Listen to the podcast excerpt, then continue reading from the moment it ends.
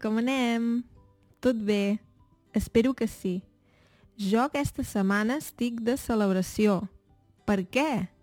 Perquè ja fa un any que vaig crear el podcast i em fa molta il·lusió, n'estic molt contenta, perquè és un projecte que m'agrada molt. Sí. I avui també, o fa uns dies, també fa 3 anys que vaig crear el canal de YouTube. I de fet va ser gràcies a YouTube que vaig veure oh, hi ha molt interès en la llengua catalana i no hi ha gaires materials.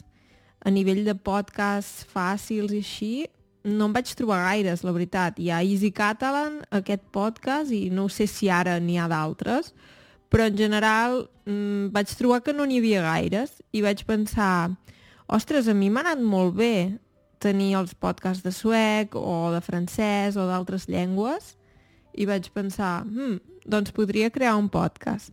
I sí, i ara ja, ja hi ha 63 episodis, crec. Aquest és el número 64. Vull dir que Déu-n'hi-do. Déu-n'hi-do vol dir que, que n'hi ha bastants. sí. Llavors, crec que és motiu de celebració. sí. Doncs res, si ja estàs a punt, som-hi.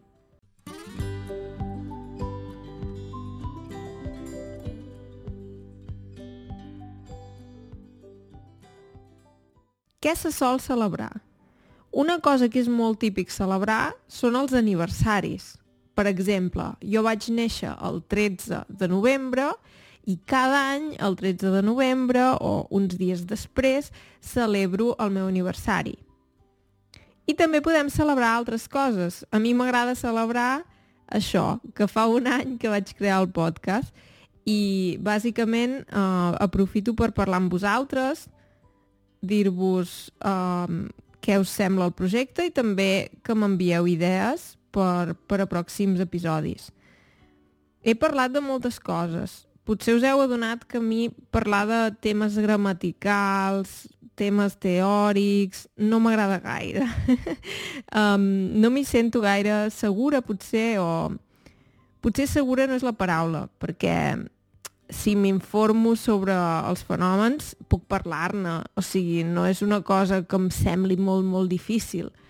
Però sempre em sembla més interessant parlar d'alguna altra cosa, de manera més natural, menys preparada, sense pensar, ah, ara diré això, sense haver-me de fer un guió, perquè trobo que quan faig guions, sí, el discurs és més estructurat, es nota que està tot més pensat, però també és una mica més artificial.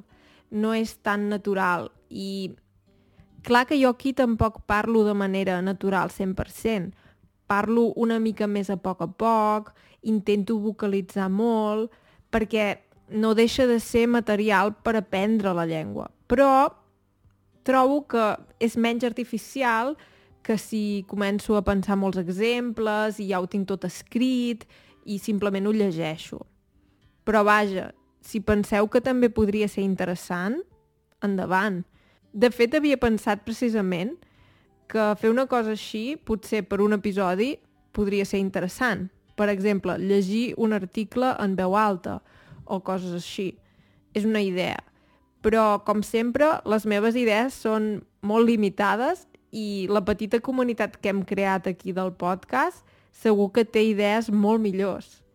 Llavors, si teniu idees, no dubteu a escriure'm un missatge a l'Instagram o em deixeu un comentari a YouTube. Per cert, per celebrar els 3 anys de YouTube, ahir, ai, ahir, el diumenge que digui, no ahir, perquè avui és dimecres, el diumenge vaig publicar uh, un vídeo celebrant els 3 anys. Si voleu deixar-me un comentari, ho podeu fer allà i així també em dieu què us sembla el podcast i què us sembla el canal de YouTube i quines idees teniu, d'acord? I res, sí, um, una cosa que em sembla molt curiosa és que hi ha gent a qui li encanten els podcasts, en canvi hi ha gent que prefereix els vídeos. Um, I hi ha altra gent, jo per exemple, abans m'estimava més mirar vídeos, no m'agradava gaire um, escoltar episodis de podcast.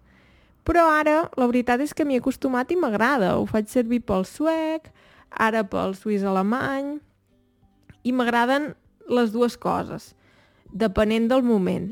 O sigui, si sóc al bus, m'és més còmode simplement escoltar un podcast, és més pràctic, no he de mirar res i llavors sí que sol que escoltar podcast. O si vaig a caminar o, o passejar o el que sigui. En canvi, si sóc a casa, tinc més tendència a mirar vídeos. No sé.